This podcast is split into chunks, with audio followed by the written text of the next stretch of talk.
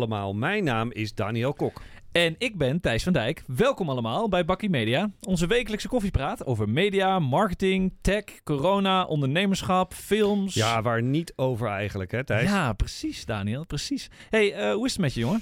Nou, het gaat prima met mij, maar ik, uh, er was even iets uh, wat ik aan je wilde voorleggen. Oh, spannend. Ja, afgelopen week wilde ik de enkel van mijn zoon gaan intapen. Hij was er doorheen uh, gezwikt, Met zeg hockey? maar. Ja. Ja. ja. Nou ja, en um, ik had wat van dat kinesiotape liggen. Je weet wel, van dat soort van dat rekbare tape. En, oh ja. Ja. Um, ja, ik was even vergeten hoe, hoe dat dan ook weer moest, zo'n enkel intapen. Dus ik heb YouTube erbij gepakt en tapte toen op de manier waarop dat werd uh, ja, geïnstrueerd. En ik dacht, ja, dat zal wel kloppen. En toen ging ik er even over nadenken. En ik denk, ja, is dit wel de goede manier? Of wie zegt eigenlijk uh, mij dat dit klopt? Geen idee. En ja, misschien is dit tape-merk waar dat filmpje van was... Uh, die wil gewoon dat jij enorm veel tape gebruikt. Misschien veel meer dan nodig. En ja, uiteindelijk is dat natuurlijk ook maar een bedrijf... wat gewoon geld wil verdienen aan zijn, zijn tape hoer, toch? Ik bedoel, dat is Ja. toch even een dilemmaatje. Ik vind het, ja, wij doen Bakkie Media. Eh, dit bedrijf doet dus een soort Bakkie enkeltape video. Maar goed, eh, dat is toch een soort businessmodel van ongeveer 90% van de mensen die op YouTube eh, een filmpje plaatst. Gewoon een beetje dingen uitleggen, zoveel mogelijk views en abonnees, thumbs up eh, realiseren. Maar niemand controleert dus eigenlijk of het klopt. Dat is wel interessant. Ja, wel eens. Maar nou ja, goed. Kijk, vanuit de consumentenperspectief is de meeste van dit soort content prima. Hè? Weet je wel, dit soort tutorials of do-it-yourself video's behoort tot de best bekeken content op YouTube. Best uitgekeken, moet ik eigenlijk zeggen. Dus ja, ja, ja. Meest gewaardeerd. Um, nou ja, en daar speelt het uh, algoritme dan weer op in, weet je wel. En dan krijg je uh, er meer van te zien. Maar een, een, een enkel tape boeit op zich medisch gezien niet zo heel erg of je dat nou goed of fout of iets met tape. Maar hoe zit dat eigenlijk bij zwaardere medische issues, hè? bij filmpjes die daarover gaan? Hoe betrouwbaar zijn dat soort filmpjes dan nog? Dus daar heb ik eventjes uh, naar gekeken, Oeh, Thijs. voor je verder gaat, uh, dokter Daniel. Dit is ook een beetje ons onderwerp van vandaag. Hè? Bakkie zorg, bakkie medisch, bakkie corona. Nou, we kunnen erover doorgaan.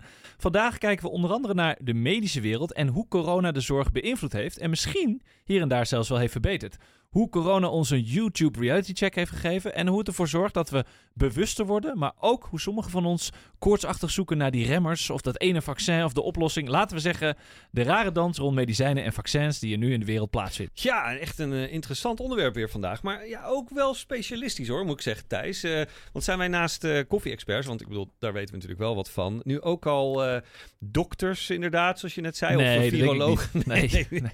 Daarom hebben we ook voor dit onderwerp maar even een, uh, een gastquote erbij gevraagd. Ah, lekker. ja, ja, ja, zeker. Die, uh, die deze business uh, toch wel wat beter kent. Wij Ingmar de Gooier, Director Public Policy bij My Tomorrows. Een hele mond vol ja, ook. Ja, is een flinke naam. En een organisatie die uitbehandelde patiënten en hun artsen informatie biedt en toegang tot geneesmiddelen die zich uh, ja, nog in de ontwikkelingsfase bevinden of in een bepaald land nog niet geregistreerd zijn. En ja, Ingmar gaan we dus uh, zo horen. En ja, hij heeft hier wel verstand van, volgens mij. Fijn, maar ja. goed, eerst even heel even terug hè, naar die betrouwbaarheid waar jij mee begon. Hè, van die medische informatie op YouTube, wat je net al zei. Uh, kunnen we daar nou wel of niet van op aan? Ik doe me trouwens wel een beetje denken aan een uh, fantastisch NPO-format van een jaar of twee geleden. Uh, Doctors versus Internet. Dat zou jij vast wel kennen. Daar ja, zeker. namen drie dokters het op tegen drie BN'ers. Dus je had eigenlijk bijvoorbeeld Mark Klein-Essink uit Medisch Centrum West en Patrick Lodiers van Je zal het maar hebben. En de grap was dus dat de BN'ers het internet mochten gebruiken en de artsen alleen hun parate kennis. Dat was wel heerlijke tv eigenlijk. Iedereen, ja, google toch maar wat rondom zijn eigen kwaaltjes, toch? Niet? Ja, briljant concept, omdat het gewoon zo herkenbaar is. En, uh, ja, en uh, ik vind het trouwens ook wel heel fijn om jou als uh, zeg maar jonge haan zo gepassioneerd over ouderwetse lineaire tv te horen praten, man. Ja, Daniel, je kent me, hè? Ik sta overal voor open. Content van alle generaties neem ik mee. Teletext, zwart-wit tv, de fax, telex. Ja, ja, ja, ja. Maar goed. Hè? Dus even terug naar het onderwerp. Er is dus Amerikaans onderzoek waaruit blijkt dat 75% van de mensen hun medische informatie online opzoekt. Dus dat is op zich wel vrij logisch. En YouTube is daarin een heel belangrijke factor. En, maar het probleem is nou net dat de meest populaire en best bekeken filmpjes vaker verkeerde medische informatie bevatten. Ah, en, ja, kijk nou. en regelmatig is de best bekeken content dus uh, totaal geen goedgekeurde content van overheden of instanties. En nou ja, dat is natuurlijk deel van het probleem. Die content van overheden en instanties is vaak helemaal geen reet aan. Dus Ja, geen de truth filmpjes. is boring, hè? Ook een beetje een leerpuntje dus, Daniel. Nou ja, absoluut. Hè.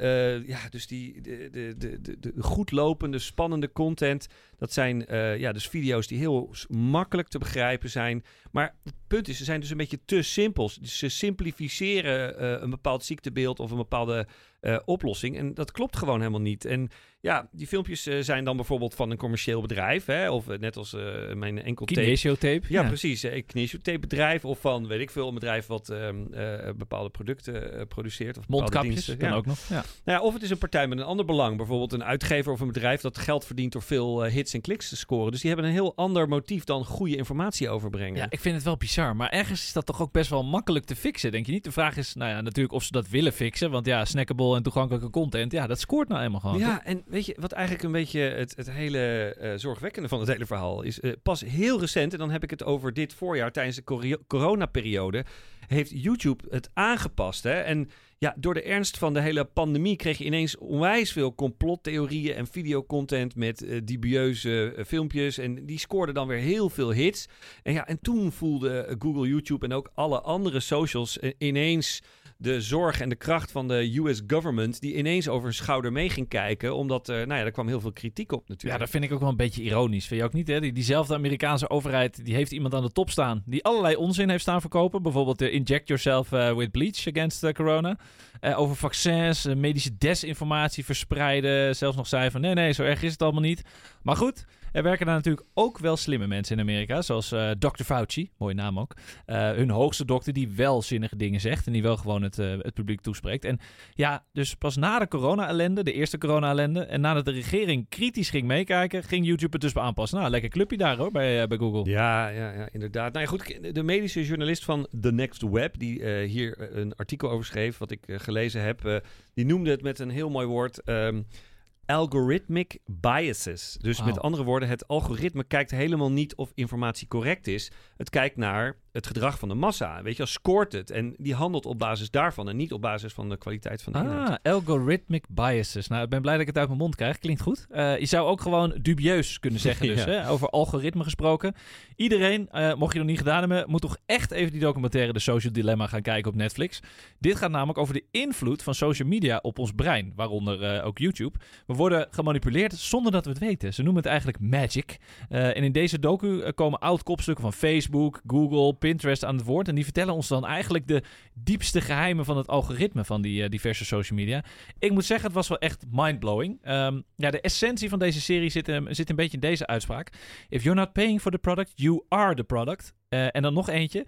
The only industries that call their customers users are the drug industry and the software industry, Daniel. Ja, ja, veelzeggend. Eh, veel over gehoord inderdaad, ook veel in de, in de vakmedia. En ik eh, ga zeker hier nog even goed naar Even een kijken. filmtip voor jou vandaag. Ja, Nou ja, film, film. Ik, het is een documentaire, toch? Of, Ja, eh, ja, een tipje voor jou. Maar goed, ik, ik moet bekennen dat ik ook, ja, ook wel een beetje verbaasd was over de ophef. Hè? Want ik bedoel, ja, social media is allemaal gratis.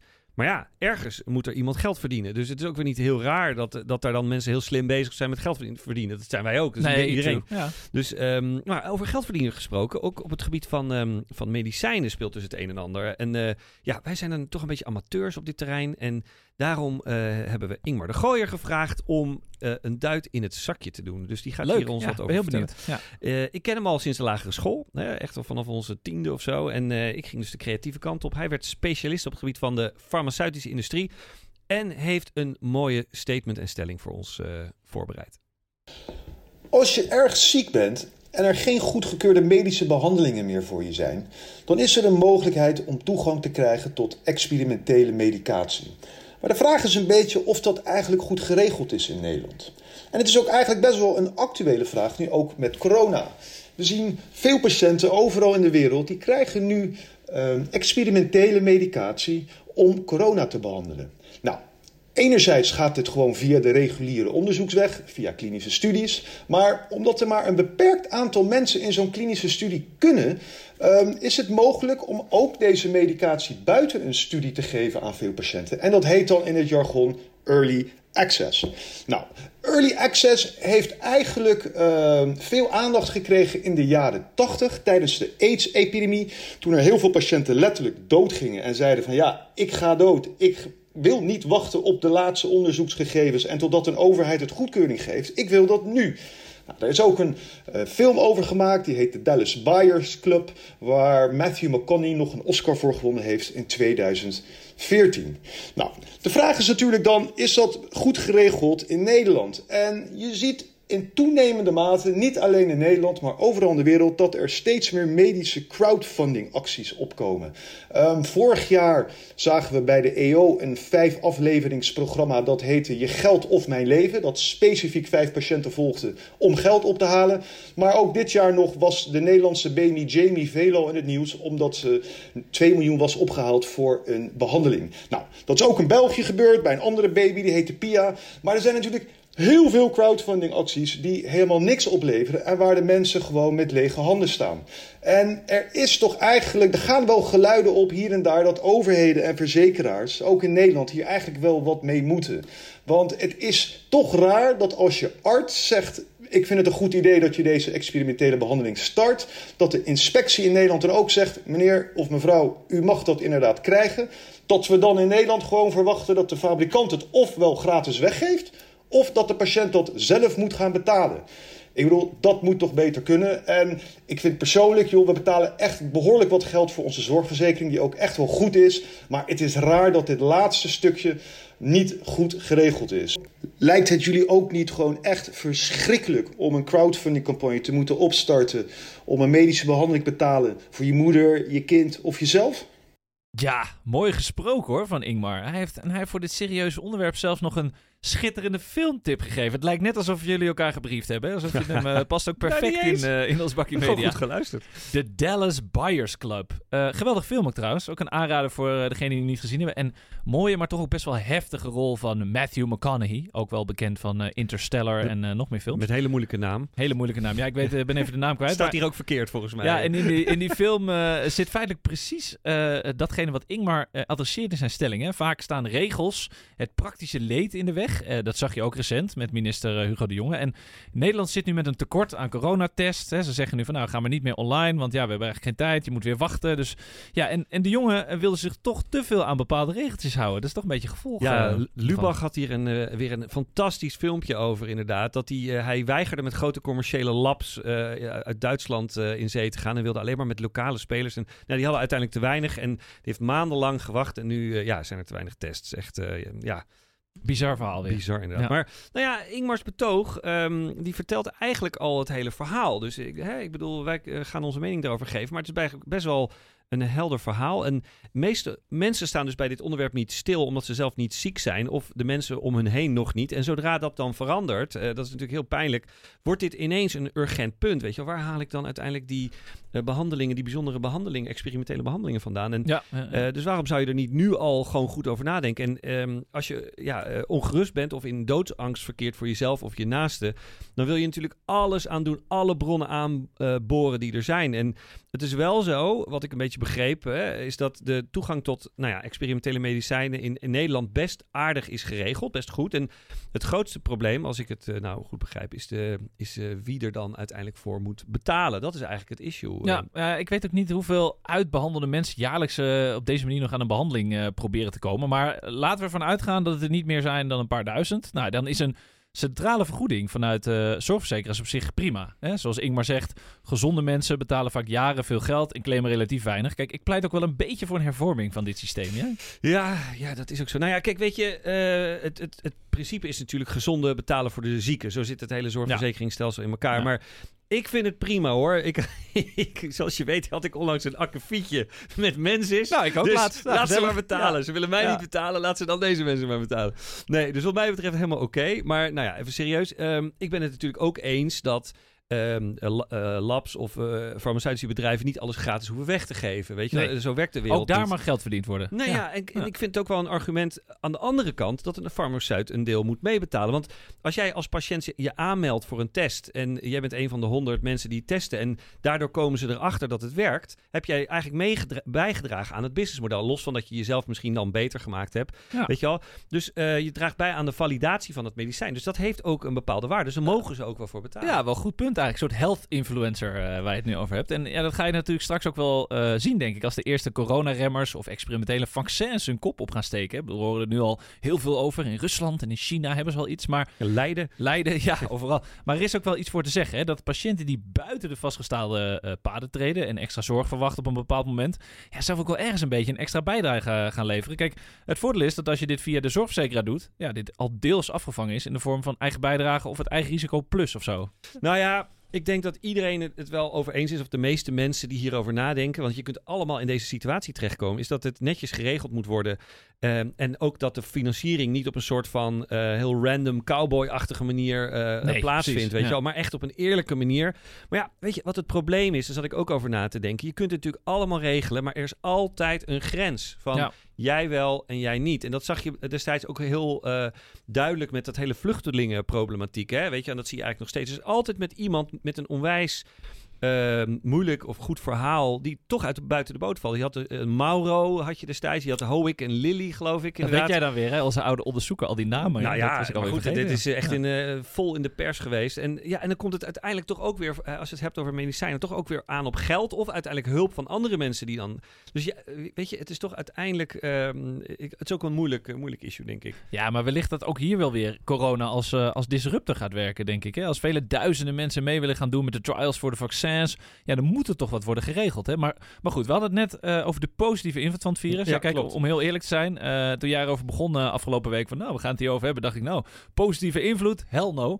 Weet je, duizenden doden, de economie wordt continu ontwricht, ondernemers hebben het zwaar, allemaal zorgpersoneel overspannen, er worden onderbetaald, nou ja, noem het maar op, hè. burn-outs rijst de pan uit. Maar toen ging ik wat lezen en eh, ja, toen vond ik ook wel aardig wat voorbeelden dat, dat corona, nou ja, vaak uit nood geboren, toch ook wel een positief effect heeft Ja, aan. hè. aan de rand van de afgrond groeien de mooiste bloemen. Ja, zo zou je het ook kunnen zeggen. Hè? Net als Veldhuis en Kemper, die hebben daar een mooi liedje over geschreven. Maar ik, eh, ik las bijvoorbeeld over de enorme boost die robotoperaties eh, hebben gekregen. Vond ik wel heel interessant. Want kijk, afstand houden voor een dokter, ja, dat is natuurlijk bijna onmogelijk. Je kunt niet zeggen, nou, ik doe even op anderhalve meter afstand de operatie. En dan is het best een uitkomst als je voor bepaalde complexe behandelingen gebruik kan maken van een videoscherm, een robot, een joystick met een beetje afstand. En een ander voordeel is natuurlijk dat je minder mensen nodig hebt. Eh, de grap is, ja, dit kan al bijna 20 jaar. In 2001 verwijderde, verwijderde een chirurg Jacques Marescot de galblaas van een patiënt in eh, Straatsburg, helemaal vanuit eh, New York. En, maar vanwege corona is er nu wel serieuze aandacht eh, vanuit de hele wereld om dit een stap verder te brengen. Dat vond ik wel interessant. Ja, het is wel rete duur. Hè? Dus dat is natuurlijk wel echt een probleem. Ook voor kleinere ziekenhuizen en, me- en ziekenhuizen met minder budget. 2 miljoen euro voor zo'n zo'n robot Ja, dat heb ik niet, operatiesysteem. niet staan. Nee. Nee, nou ja, en dat is duurder dan in principe dan een, een dokter. Maar ik las nog iets anders wat wel briljant is en wat het dan wel weer de investering waard maakt. eh, maakt. Het, het duurt maar een half uur. Ehm, voordat een chirurg eh, eh, kan hechten met dit soort eh, robots. Ah. Hè? Dus het is echt Snelle super opleiding, versnelde opleiding. Nee, maar de, de leercurve Ja. is heel, heel hoog. En, ehm, ja, en automatisch worden de gegevens van elke beweging die die robot maakt tijdens een operatie u- geüpload naar de cloud. Het onthoudt in feite alle handelingen.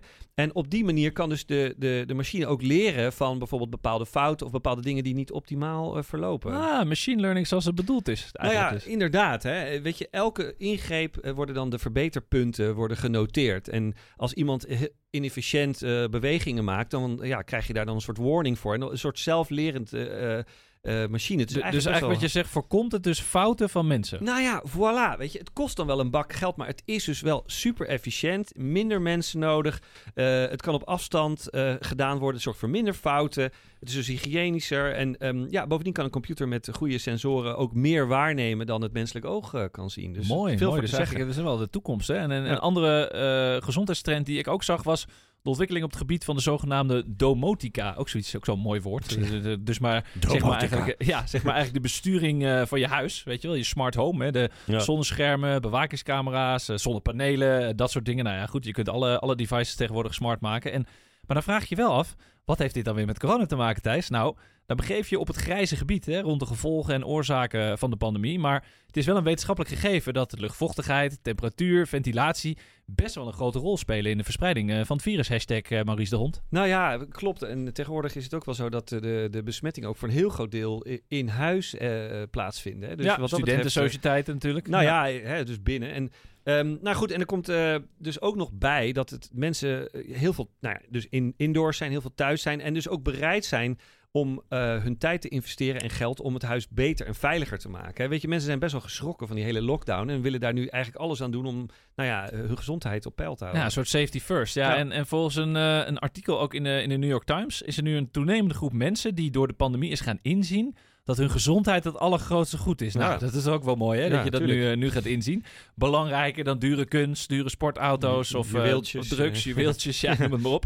En om die reden zijn zij hun huis volledig gaan uitrusten op een manier dat ze hun gezondheid nog beter kunnen gaan, eh, gaan monitoren. Eigenlijk. In sommige gevallen worden er dus zelfs miljoenen dollars of euro's aan uitgegeven. Ja, mensen die fan zijn eh, van hun eh, privacy en dergelijke moeten dit hoofdstuk echt overslaan. want dit heeft natuurlijk alles te maken met het scannen van je vitale si- signalen op een bepaald moment. En dat dat omgezet wordt in data en in databases en in de cloud. Ja, een soort digital healthy Ja. self. Hè? Je bent gewoon, we hebben een Insta-selfie selfie, en nu heb je ook een health selfie. Maar Ja. Ik zal je nog even wat voorbeelden geven uit het artikel. Voor de mensen die eh, niet bang zijn voor hun privacy. Kun je trouwens ook in onze show notes eh, teruglezen. Risico's op het gebied van longziekten, uiteraard. Maar ook hartaanvallen, epileptische aanvallen of beroertes worden dus allemaal door je huis gemeten. Dus dat is ook wel mooi dat je huis een beetje dat aan ziet komen. Duizenden sensoren in je hele huis. En als je dus neervalt, bam, dan pikken die sensoren in de vloer dat dus op.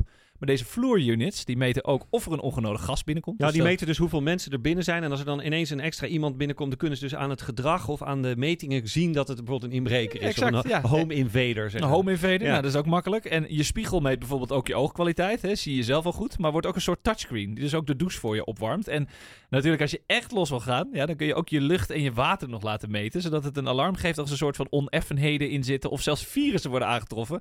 Maar het laatste kost een klein beetje meer, denk ik. Ja. Eh, zelfs je urine kan door een slim toilet worden gemeten. Daniel, de Internet of Things 2020 dus. ja, en weet je wat je dan ook nog krijgt? Is natuurlijk eh, Google en Alexa en weet je, eh, dat soort partijen, die grote eh, datapartijen, die hebben zich er ook al eh, in gemengd in dit hele verhaal. En eh, die zijn vaak een haantje de voorste als het gaat om het verwerken van informatie. Hebben we natuurlijk net bij de Social Dilemma allemaal gezien. Dus ja, en die meten dan ook een beetje je stemgeluid. Dus als je dan een beetje over, een beetje oververhit bent, dan horen ze het ook al paniek of ruzie. Nou ja, goed, je wilt niet weten, Daniel.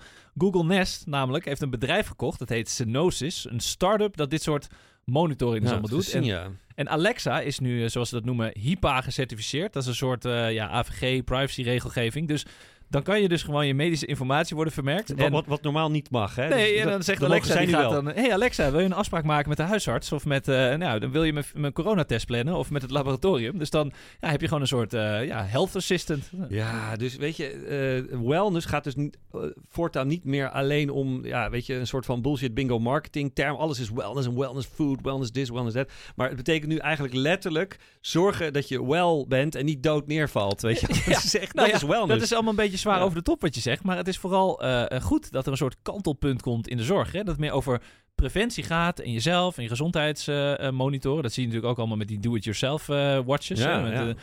maar in de zorg gaat het nog wel, vind ik, een beetje te veel over de ziekte zelf en te weinig over gezondheid. Hè? Hoorde ik laatst, vond ik ook wel mooi. Dat je zegt, ja, het gaat veel over de ziekte, Ja, goed preventie. punt. Nou ja, weet je, een ander voorbeeld wat te maken heeft met gezondheid en wat ook is eh, eh, versneld, zeg maar, door corona, eh, is ook een beetje een gadget verhaal, is de bezorging van medische producten. Oh ja, ja, ja. Ja, door, door drones dan, weet je wel. En ehm, door het virus willen heel veel Amerikanen hun medische spullen toch het liefst thuis bezorgd krijgen. Of inderdaad ehm, op locatie van bijvoorbeeld een ziekenhuis. En vooral als er eh, afgelegen punten zijn, dan heb je natuurlijk veel meer eh, in Amerika dan bijvoorbeeld in Nederland. En Ja. eh, daardoor is de traditionele bezorging, ja, weet je, als je heel erg afgelegen woont, of heel duur of extreem langzaam. En ja, we, we lazen een tijdje geleden dat pizza's en andere producten met drones gepilot werden. Maar dit is echt weer next level. Het wordt, ja, het wordt heel serieuzer, dit punt. Het gaat aan een beetje versnellen, heb ik het idee. Ja, en ik, ik las dus ook dat er sprake is van een ware drone battle Ja. hè, op dit moment. Tussen Walmart en Amazon. Een soort air wars zo, toch? het gaat echt hard nu. Amazon en Walmart hebben dus beide vanuit de FAA, zeg maar de,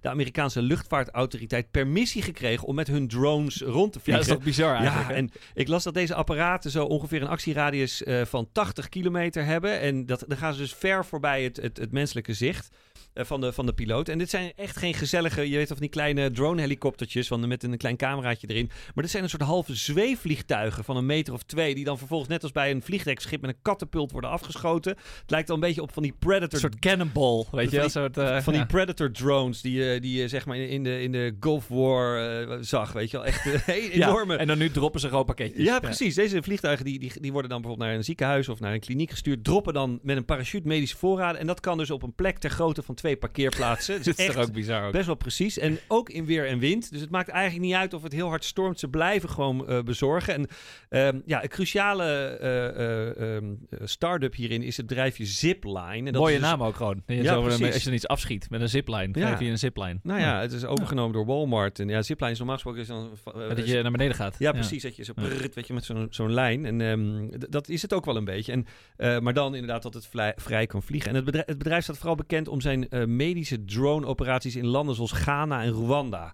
Weet je wel? Ja, medische droneoperaties. Ja, ja, ja, nee, zeker. En het gaat in eerste instantie dus wel om eh, geselecteerde gezondheidsproducten en wellnessproducten, maar later natuurlijk ook gewoon om allerlei andere producten. Maar ik kan me ook niet voorstellen dat ook in Amerika dat ze door eh, New York City gaan vliegen met die drones. Dit is ook wel echt Lijkt me wel lastig te besturen ook, hè? Nee, maar het past wel ook echt bij een land wat echt enorm veel natuur heeft en heel veel, zeg maar, extreem veel ruimte. En je kunt hier niet mee door de stad of zo. Dat, dat nee, dat niet. zie ik, ook, zie ik ook niet gebeuren. Want je Nee. kunt ze niet echt besturen. Ja, en kijk, veel mensen in Nederland kennen natuurlijk ook wel Amazon Prime hè, als mega e-commerce speler. Maar Walmart is, is dus ook met een eh, best wel flinke opmars bezig. En in veel gevallen zijn ze dus al groter aan het worden dan, dan Amazon. En het laatste nieuws is zelfs dat zij samen met, eh, met partij Oracle toestemming hebben gekregen om eh, nou, TikTok over te nemen. Waar we het eerder ook in, in Bakkie over hadden. Ja. Lijkt een beetje een rare behoefte te zijn. Hè? Want je denkt, ja, waarom? Want het was natuurlijk sprake van dat Bill Gates dat zou doen met Microsoft. Maar wat veel mensen dus niet weten, is dat achter de Chinese eigenaar ByteDance ook een e-commerce e-commerce partij zit. Die veel gebruik maakt van die TikTok-influencers om hun spullen aan te prijzen. Die dus weer gekocht kunnen worden. Ja, ik vind het wel mega slimme move, weet je. Zeker ook omdat ze ja, 20% van de wereldwijde rechten krijgen. Dus het is wel eh, growth hacking. Ja, dus de, waar, waarbij ze dus eh, bij Walmart net gaan beginnen, eh, komt ons eh, TikTok-dansje een beetje ten einde, Thijs. Ja, ik, zat, ik vind het wel jammer eigenlijk. Ik zat er net zo lekker in. Maar ja, weet je, om de goede, zo'n goede spreuk zegt, de tijd vliegt als het leuk is. Zo is het. Misschien kunnen we ook wel een drone wat koffie laten brengen. nou, ik was wel heel blij dat jij even koffie gehaald had net. Dames en heren, dit was Bakkie Media alweer. Deze aflevering is zoals gebruikelijk terug te luisteren op alle bekende podcastplatformen. Ook zijn we te vinden op de platformen van onze mediapartners, De Ondernemer en De Adformatie. En sinds kort bij onze nieuwe partner, Topcast Media. Ook zijn we te vinden op de sociale media. Op Twitter via @bakkiemedia, op Instagram via @bakkiemediapodcast en ook op Facebook natuurlijk voor onze familie en voor vrienden. Tot volgende week.